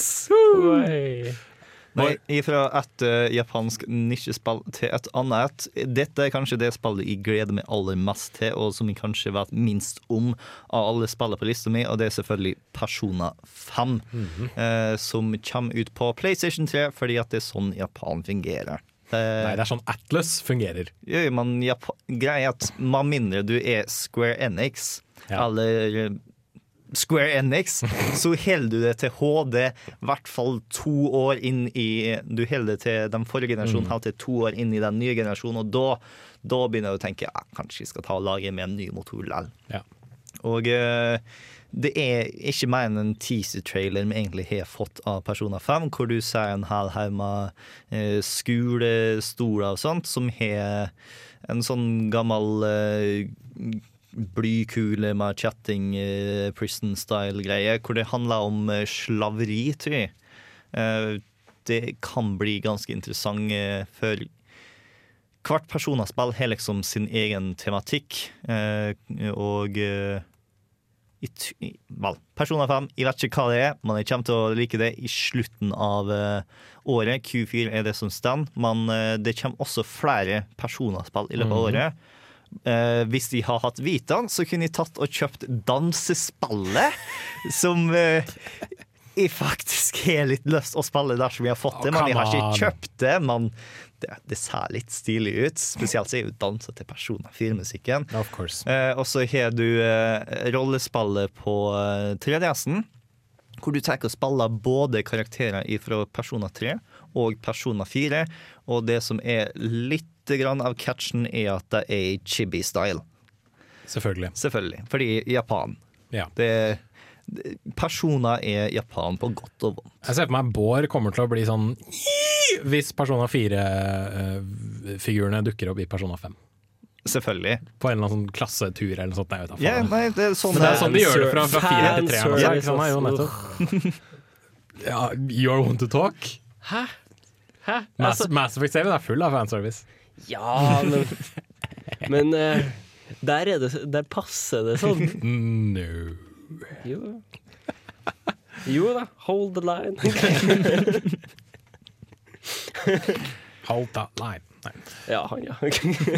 Ja, Persona. eh, Jeg har jo ikke en PlayStation 3, så jeg kan ikke spille Persona 5. Det er synd, men eh, det virker jo kult å spille. Jeg har Persona 4 til PlayStation 2 liggende hjemme. Jeg har Mm. bare ikke åpna det ennå. Sånn ever. Det er en investering og spille, men det er verdt den investeringen. Men det jeg håper på, er at når den der PlayStation Now-tjenesten kommer på stell, eh, så kan jeg streame Persona 4 til min PlayStation 4, eh, og så forhåpentligvis eh, klare å spille det på den måten. For jeg kommer nok ikke til å røre min PlayStation 2 igjen ever noen gang siden. Greia er at eh, jeg er ganske sikker på at det finnes ute på PlayStation Network i Amerika, men ikke til eh, Europa. Damn you, America! Yes. Ja. Eh, fra Persona eh, til noe helt annet. Eh, et spill som ikke hadde eksistert hadde det ikke vært for Nintendo, eh, nemlig Bayonetta 2.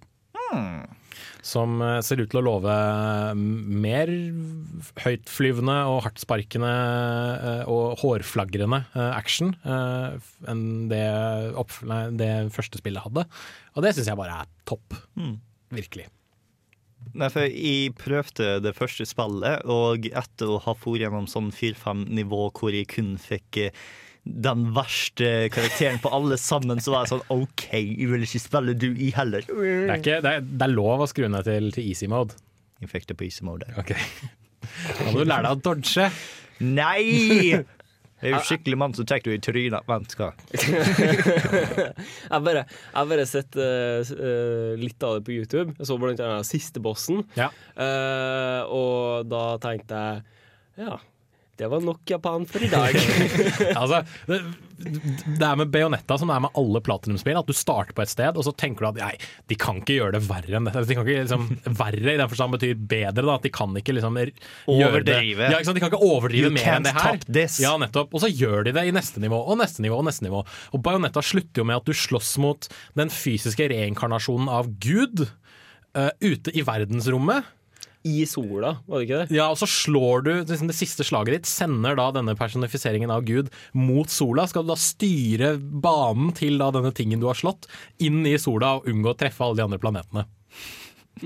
Og Det samme var det i The Wonderful 101, hvor de til slutt slåss mot uh, en, uh, altså en supercomputer fra fremtiden ute i verdensrommet med en kjemperobot, og du bruker all kraft du kan hente fra jorda til å slå den i trynet. Uh, så det That's fun. Jeg bare gleder meg til å se hva uh, liksom, de gutta i Platinum klarer å finne på, for alt er bare så klin kokos at jeg klarer I ikke la Metal Gear. Rising Revention så holder det seg heldigvis på jorda, hvor du slåss mot en amerikansk senator med superkrefter. Nanomachines, son. Mhm. I used to play ball in college. Nei, siste boss i Metal Gear Rising var uh, kjempe, kjempetøff. Uh, vi eh, avbrekker litt grann med en låt fra Miracle of tror, man, Sound. jeg tror faktisk man skal si vi tar et avbrekk. Avbrekker litt. Grann. Jeg skal gi deg et avbrekk, jeg tenker. Like a man. Ja. Uh, Miracle of Sound med låta som heter Roll Out, som tar veldig mye inspirasjon fra Transformers. Og det liker jeg veldig godt.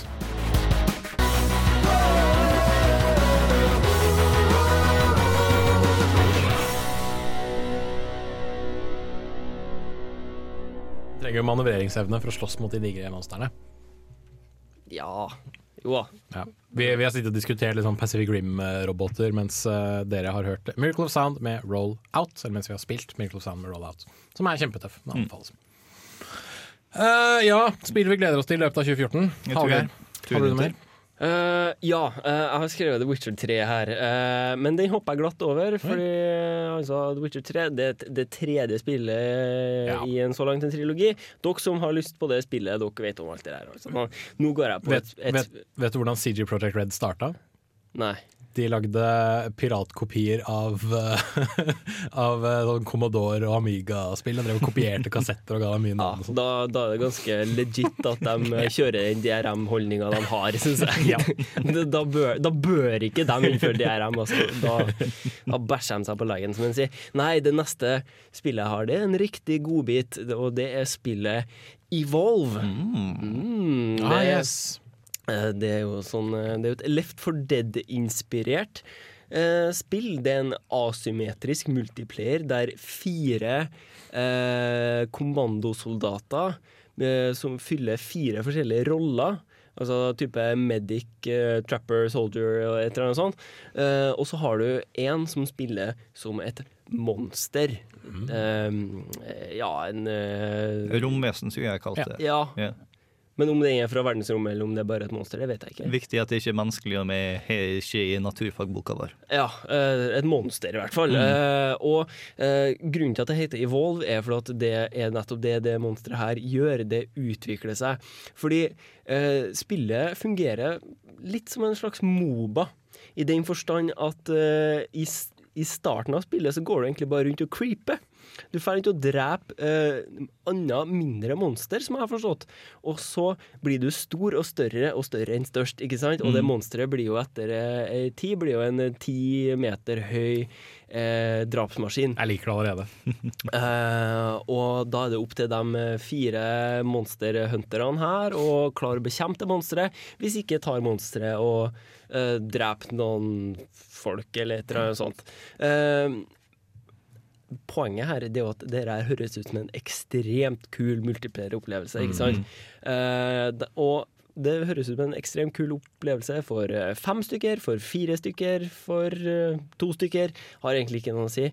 Men det er både samarbeid, og det er mot hverandre, og det er alt som gjorde Left 4 Dead eh, bra, og mer, høres det ut som. Og det er ikke merkelig at det er ganske likt Left 4 Dead, fordi det er faktisk de Mm. samme utviklerne som lagde det første, og så fortsatte Valve på det andre, og de bare sånn OK, nå tar vi og lager aliens i stedet for zombies. Mm, Og eh, jeg har hørt eh, beskrevet at når, når romvesenet blir stort nok, så blir det mer eller mindre Shadow of the Colossus-eske Ah. kamper. Yes. I like it. For en nerdboner bare jeg står og hører på det. Så det, det er et spill som folk bør ha på kalenderen sin. Men det er ikke noe vits å markere noe dato ennå, for at det, det har ikke kommet en ordentlig dato på det ennå. Men det kommer ut i fjerde kvartal. Tentativt. Mm. Mm. dette er et spill som ble annonsert eh, ganske nylig. Det ble annonsert i år. Eh, et annet spill som er på lista mi, som ble annonsert i år, er et spill som heter Alien Isolation. Mhm. Som eh, er ikke et aliens-spill, men et alien-spill. Eh, fordi at de er masse mer i tråd til den første filmen. Ta foregår sånn 20 år etter den første filmen i stedet for flere et 100 år senere, som den andre filmen skjer i. Eh, og eh, du tar og spiller dattera til Ripley, fordi at vi er nødt til å ha noen som heter Ripley en alien. Mm -hmm. og du er på en romstasjon, og ting går til helvete, som det selvfølgelig gjør. Og det er en xenomorph der ute som du skal ikke ta og bli drept av. Det blir litt sånn amnesia i verdensrommet. på en Det måte. blir det. Og det som bekymrer meg litt med spillet, er at uh, Amnesia og Slender var ekstremt skumle på grunn av mange grunner. Det vi har satt i Alien eh, Infestation, nei, i Isolation. Men eh, de har også mer gameplay som gjorde at de ble ekstremt skumle. Mm. I Slender så ble du straffa for å se på monsteret. Du har den ekstreme trangen for å vite er jeg sikker eller er jeg i fare. Mm. Og hver gang du tok og fulgte det instinktet, så ble du straffa. Så var det amnesia, altså. ja, I amnesia så eh, ble du gæren dersom du gjemte deg i mørkene. Så eh, du har samtidig lyst å gjemme det for din fysiske helse, og samtidig så kunne du ikke gjemme det pga. din mentale helse. Eh, og jeg håper at eh, Alien Isolation har noe av den typen der. For eh, det- er mer eller mindre Dead, Dead Space kom, viste oss at skrekk i verdensrommet er noe som er awesome, Mm. og så glemte de at skrekk i verdensrommet var en ting, og heller begynte med action. Og nå har Alien kommet tilbake og forhåpentligvis vist oss hvordan vi skal ta og gjøre det. Ja, eh, Er det noe mer som er visst enn enn den der lille teaseren? Det er bare den lille teaseren, eh, som er blitt vist, ja. Ja. Ja, for at det inntrykket jeg fikk av den teaseren, det, det var som Slenderman møter den første halvtimen i Doom 3, for Mm. dem som har spilt det, der du faktisk Det eneste du har, det er en lommelykt, og det er Ting går til helvete, lysene går, folk er døde, og alt sånt der. Og du vet egentlig ikke hva som foregår, og du er redd. Fysisk Mm. redd. Ikke sant? Og det, det er den følelsen man må prøve å catere til her. Problemet med sånne spill kan være at du er ikke redd så fryktelig lenge hvis Mm. det ikke er nye ting som skjer, Ja. nye elementer som introduseres. Du kan bare være redd for den ene xenomorphen så, så lenge, Ja. hvis han aldri på en måte faktisk viser at han er noe å være redd for. Mm. Eh, du kommer til å vare borti andre karakterer i spillet. De viser liksom ta crewet du kommer. Og eh, dersom de tar en eh, ganske viktig plotpoint fra første Alien-filmen, så kan du ha det at du har androids som du ikke vet er androids, Mm. som totalt Mm. fucker opp for det. Eh, og eh, du skal ikke se bort ifra at du har et par roboter du har nødt til å skyte på pga. Alien Nisani her. her. Og facehuggers er jo også så klart Mm. en eh, da, fare. jo, jo, men da har jeg plutselig Det er godt mulig at på slutten av spillet så møter du et eller annet nest, men jeg mener at det kun skal være én xenomorph som er Ja. her nå, og ikke mange som er aliens. OK. Får jeg komme med en kontroversiell uh, Ikke påstand, men uh, mening? Ja. Alien er en bedre film enn Aliens. Jeg foretrekker aliens, egentlig, men største grunn for det er at uh, jeg har sett så mange alien-parodier før jeg faktisk har sett filmen, Ah, ok. at uh, det ble en veldig langdryg film fylt med scener jeg allerede har sett før. Mm. Det er derfor jeg likte Android-biten. Fordi at jeg har aldri fått med meg at eh, det var en del av Alien, så jeg syns det var kjempeinteressant og skummelt. Jeg har ikke sett Aliens, jeg har bare sett Alien og den Alien Resurrection.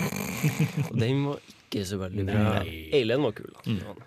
Regissøren av Alien Resurrection eh, er han som har laget Amelie-filmen.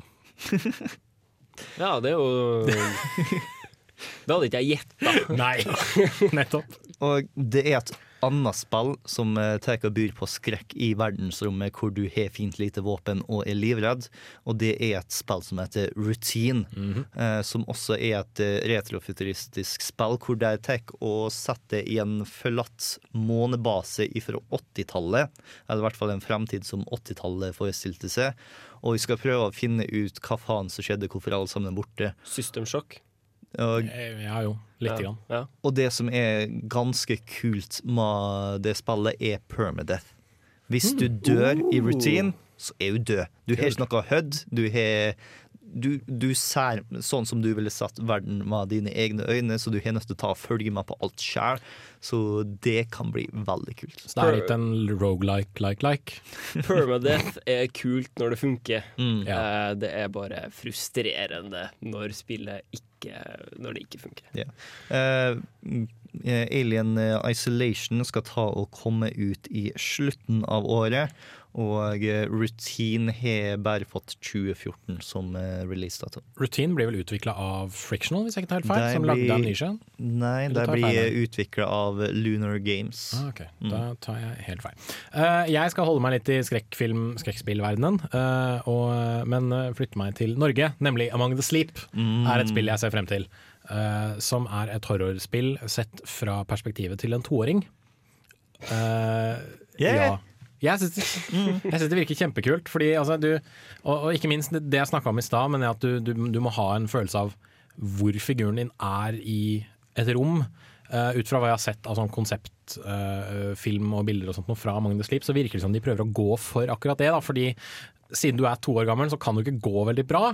Så Du må krabbe veldig ofte. da Så Du ser liksom hendene dine hele tiden, eller hendene til en toåring du styrer. da Men hvis du f.eks. går opp til en La oss si en sofa eller en puff, eller noe sånt da, så kan du liksom ta på den og bruke den til å heise deg litt opp, sånn at du kan gå. da Så lenge du støtter deg til ting. Så, du liksom, uh, så lenge du har noe liksom, du kan støtte deg til, så klarer du å gå et par skritt. Da Så kan du liksom lene deg inntil en vegg, og så kan du gå litt mer langs veggen. Ja. for. Og så er du 80 cm høy. Ja, og jeg tror at det, liksom, det at du er liten, det at du er et barn, og det at du ser ting som er for et barnesinn da, uforklarlig, og liksom blir forvridd fordi det er et uforklarlig for et barnesinn, tror jeg kan gjøre at det blir enda mer skummelt. Eller ikke nødvendigvis skummelt, men kanskje litt sånn nervepirrende. da. Eh, Så det virker veldig veldig kult. Og det er vel sånn at du skal finne ut hva som har skjedd med foreldrene dine, fordi du våkner en kveld, og så er det bare ingen i huset ditt lenger. Åh, creepy. Ja, ikke sant? Det er, altså, det er noe med sånne liksom, tomme steder hvor det skal ha vært folk. Det er derfor liksom, Sarien Hill er satt i en, en by som bare er helt tom, bortsett fra et par monstre innimellom. Mm. Der det skal ha vært folk, og så er det ingen folk der. Det er helt jævlig. Så jeg tror Magnus Sleep er veldig kult. Eh, Et annet norsk spill jeg er veldig spent på, er uh, eh, Dreamfall Chapters. Mm. Fra Ragnar Tørnquist og gjengen i Red Thread Games. Um, og jeg er bare keen på mer Dreamfall. Nå må jeg faen meg sette og få spilt det der Dreamfall-spillet, for det har jeg ikke gjort ennå.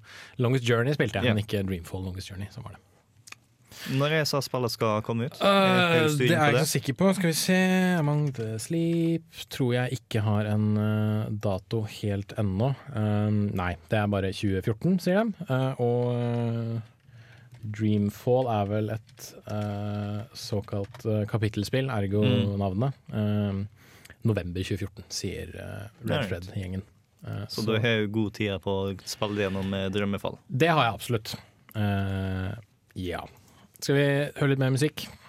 Yes. Starbomb, kan ikke du introdusere den her for meg? Uh, ja, som uh, vi tok og spilte første låten av i forrige eh, episode, så spiller vi nå gjennom eh, albumet til Starbomb ifra eh, artisten Starbomb, som består av eh, Ego Raptor og en annen kar som jeg mer eller mindre husker som Sex Ninja, noe sånt. Et eller annet ninja. Cool. Eh, denne låta her heter Regretoid, som selvfølgelig handler om Samus Aran.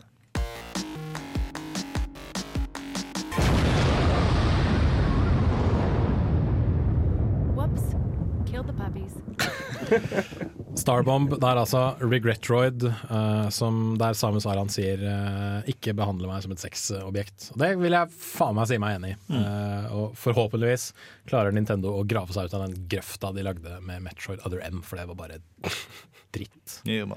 De kurvene på den dama, spesielt når hun tar og spinner seg sammen i en ball, god damn! Ja, men Perfect curve, man! Yeah. Pie, man! It's a swear! Ja.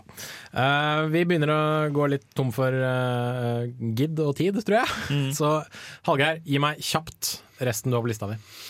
Uh, South Park, The Stick of Truth. Selvfølgelig. Uh, Den har vi vel alle på lista vår. Yes. uh, Broken Age har vi snakka om. Uh, Yep. Destiny fra Bungie. Mhm. uh, Watchdogs. Uh, Aliens Isolation snakka vi om. Og Heartstone når det kommer ut av beta. Jeg er spent på hva på en måte neste ting blir, for de må jo gjøre noe når det kommer ut av eh, beta. Og de har, altså i, i menyen så har du eh, tre knapper du kan trykke på, men de er inni en sånn sirkel, og inni en sirkel så er det på en måte fire felt på en måte som, det, som tre knapper er inni. Og så i det siste feltet da, så er det på en måte det er plass til en knapp, men hva kan det være der? Er det adventure mode? Det er det jeg håper på. Mm. Eller raid mode, eller et eller annet sånt lurt.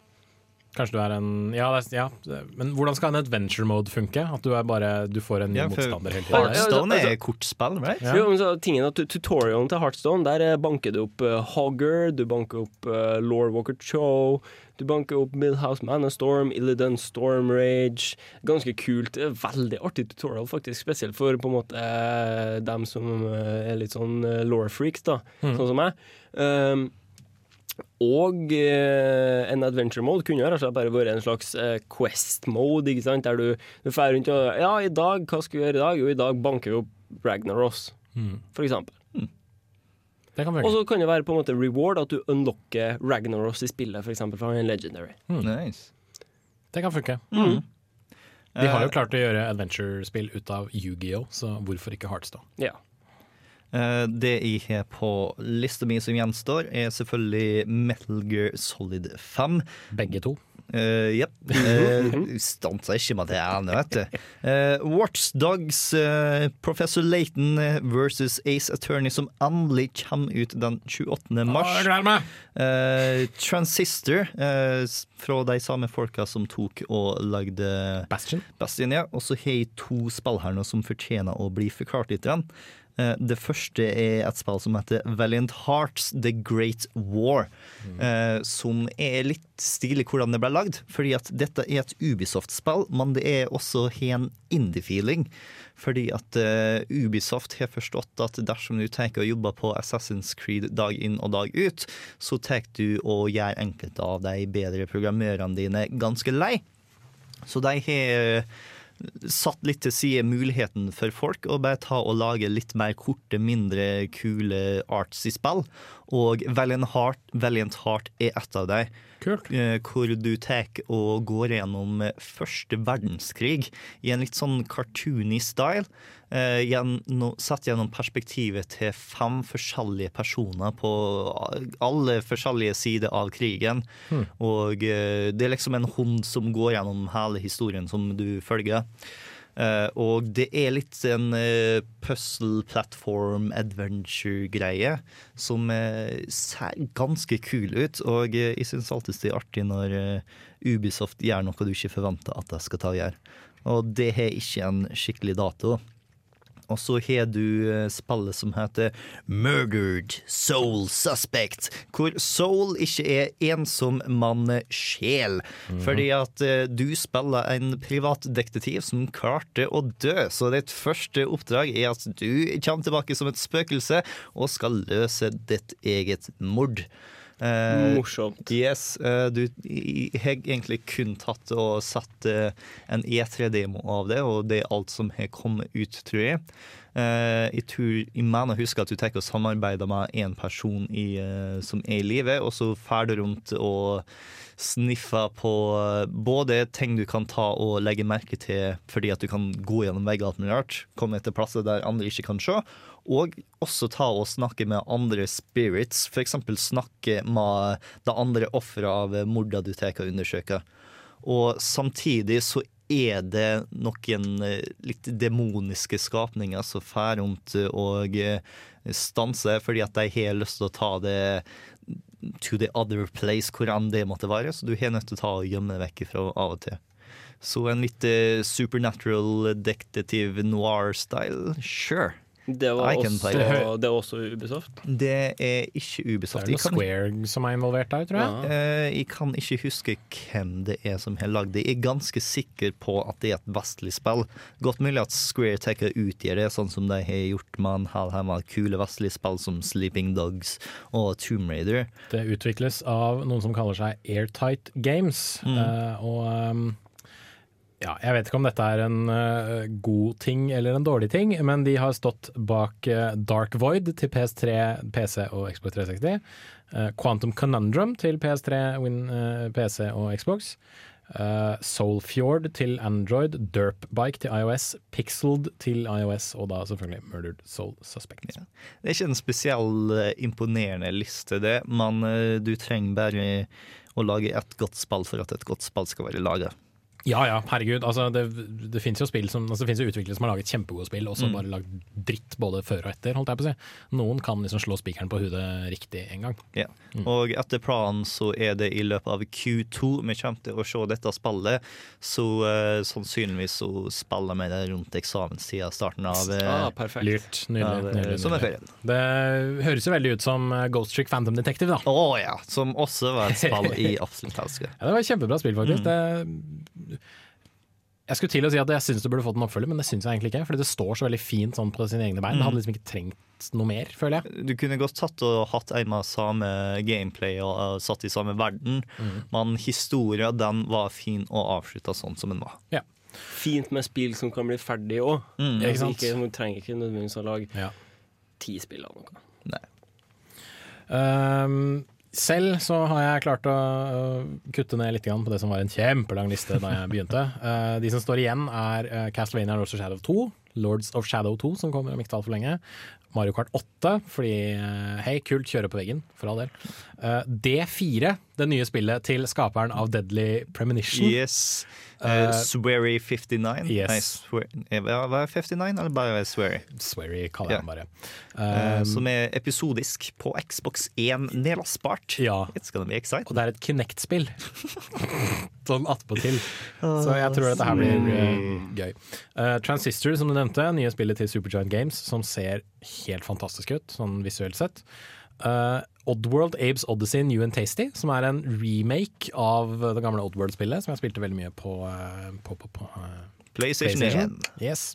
Uh, Shroud of the Avatar Forsaken Virtues, som okay. var et spill som ble kickstarta for ikke så altfor lenge siden. Det utvikles av en mann ved navn Richard Garriott, som, Som- burde være et kjent navn for noen. Nei, ingen. Han lagde ah, det spillet med den karen. Ukulturerte svin. Richard Garriott er mannen som ga oss Ultima-serien. Right. Han som nå kaller seg lord British, har bygd en middelalderlandsby på tomta si i eh, USA, og har bodd i USA så lenge at han nesten ikke har britisk aksent lenger. Han gikk til Kickstarter og sa at hei, jeg vil lage et nytt spill à la de gamle Ultima-spillene, og det ble da Shroud of the Avatar, Forsaken Virtues. Uh, jeg skal innrømme at jeg ikke er en storspiller av Ultima-spillene, men jeg syns det er kult at en, eh, en, en gammel spillveteran på en måte går litt ut av eh, pensjonstilværelsen, da, for å si at vet du hva, nå har jeg fått noen nye ideer til spill, her er en liksom, måte jeg vil finansiere dette spillet på, og så skal jeg gi det til dere på et eller annet vis. Det syns jeg er kult. Uh, The Witness, det nye spillet til Jonathan Blow, Yes. uh, som uh, høres ut som en slags uh, ny versjon av Myst. Som Mm, mm. kan bli kjempe, kjempespennende. Jeg er Det var, var- glad i så Det var jo der du, du stranda på ei øde øy, Ja. og så er det sånn puzzle-basert. Ja. Ja. Mm, ja, det ser veldig fint ut. Og de ulike pusle, altså de ulike gåtene eh, knyttes til hverandre da, på Mm. et eller annet vis. Og liksom hvis du, du kan følge en tråd fra et sted til et annet sted. Og sånt, og sånne puzzlebox-spill hvor liksom alt på en måte hører sammen, syns jeg er litt morsomt. Og jeg har jo spilt The Room i løpet av, eh, eh, i løpet av jula, eksempel, som går ut på det samme. Um, Goddess-spillet til Peter Molyneux, som er ute i Early Access. Uh, jeg er ikke noe keen på å spille det når det er i Early Access, for jeg boikotter de fleste Early Access-spill, Mm. egentlig. Uh, men uh, Peter Molyneux som lager gudespill igjen, kan bli tøft. Gitt at det ikke er sånn kjempemasse mikrotransaksjoner og, og piss som ingen vil ha. Eh, men Jeg håper, håper Molyneux, som en gammel traver innenfor industrien, holder seg for god til det. Han burde jo det, men han gikk jo til Kickstarter. Og han kan jo egentlig Jo. Han er jo en fyr som egentlig kan få finansiert prosjektene sine på andre måter enn Kickstarter. Jeg mener jo på å huske at eh, på nær nå klikk vekk Cuba-spillet hans, så Ja. var det mulig å ta og kjøpe Cuba tilbake, sånn Ja, ja. at Trolls bare kasta penger til en for å være Mm. Ja. Det er typisk Peter Molyneux. Eh, så jeg er veldig spent, og jeg er ikke minst spent på å se hvordan det blir med han derre uh, guttungen som har blitt liksom guden over gudene Mm. i Goddess. Som vant det derre Curiosity-eksperimentet. Det tror jeg blir eh, spennende Mm. å se på. Um, skal vi se her da Tom Clancy's The Division, som ble vist fram på E3. Som ser veldig tøft ut. Men det har kanskje kommer blitt, det ut i år, da? det er det, er, det har kanskje blitt flytta en gang. Eh, Det, er altså, det, Ja, jeg mener på at det har blitt uh, utsatt. At de sa at de begynte å utvikle det relativt nylig. Ja, det er Så- usannsynlig at det kommer ut i år. Ja. Tror jeg det. Altså, det kan hende, men at det er usannsynlig. Jeg har blitt ekstremt overraska Ja. Om det kommer ut i år, altså. Ja, men ja, det ser fett ut. Mm, Uh. Super Time Force fra Cappy Games, hvis jeg ikke tar helt feil. Det er der hvor du tar og uh, spiller meg sjøl med å gå tilbake i tid før Ja. du dør. Du hopper sånn fem sekunder eller fem minutter tilbake i tid, og så møter du deg selv fra fem minutter siden, og så bruker dere begge to sånn superduper kule våpen. Uh, det ser veldig tøft ut, og det er sånn retroinspirert uh, spill. Uh, og til slutt, eh, siden jeg er en Nintendo-kid, Yoshi's New Island, som eh, har en sånn en kritttegning-look til seg, som jeg syns er veldig kult. Eh, og selvfølgelig Super Smash Brothers til Wii U og Selvfølgelig. 3DS. Hvorfor sto ikke det på lista mi? Fordi at de har I don't know. Glemt av Nintendo når jeg ikke Med Megaman på rollelista og WeFit-treneren av en eller annen grunn Mhm. på rollelista, og uh, landsbyboeren fra Animal Crossing, som jeg syns er dritkult. Uh, og nylig annonsert uh, Rosalina og den der lille lumanen hennes. Han der landsbyboeren fra Village uh, fra Animal Crossing, han ser så kald ut. Han bruker jo han bruker, han bruker øks og spade Ja. og som mulig liksom, våpen, rett og Han slett. ser ut som sånn en seriemorder. Rett og Det slett. blir kjempegøy. kjempegøy. bruker de til å gjødsle bakgården sin. ja, for eksempel. Men det har jo det har ligget i kortene en stund, for de har jo hatt Animal Crossing-bakgrunner Mm. i um, i hvert fall We Super Smash Brothers Brawl, tror jeg. Eh, ikke sånn bane, men eh, de har i hvert fall hatt eh, sånne assist trophies, for eksempel. Jeg tror det er en eh, bane i eh, Brawl-varianten, skjønner du. I så fall, så Jeg jeg husker hva husker, jeg husker ikke den i så fall. Anywho. Ehm, vi har jo bare nevnt en lite knippe av spill som kommer ut i løpet av året. Uh, og uh, hvis du sitter nå og hører på oss og skriker inn i iPoden din at ja, men dere har jo glemt insert spill her, så send oss en mail til nerdatradiovolt.no og uh, si fra hva vi har glemt. Så kan vi kanskje diskutere det i neste uke. Det kan være hva som helst, egentlig. Skriv oss om. Vi er ikke så kresne. Jeg vil bare nevne en, uh, si en honorable mention, mm. som er The Elder Scrolls uh, Online.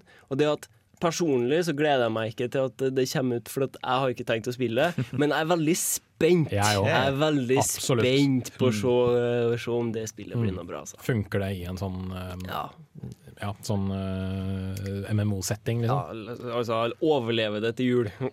Ja, ikke sant? Og, eh, Overlever launch? Det overlever det launch? Ja. Og det er også verdt å nevne at eh, vi kommer nå til å ta opp nye medlemmer i Kontroll Yes. Alt Elite. Så dersom du bor i Trondheimsområdet, så burde du ta og fare inn på samfundet.no slash opptak og søke om å bli en radiojournalist. Og så tar du og påpeker at du har lyst til å bli med i Kontroll Alt Elite. Fordi de er kulest. Har Ja, jeg hørt. selvfølgelig. Jeg har hørt det. Ja.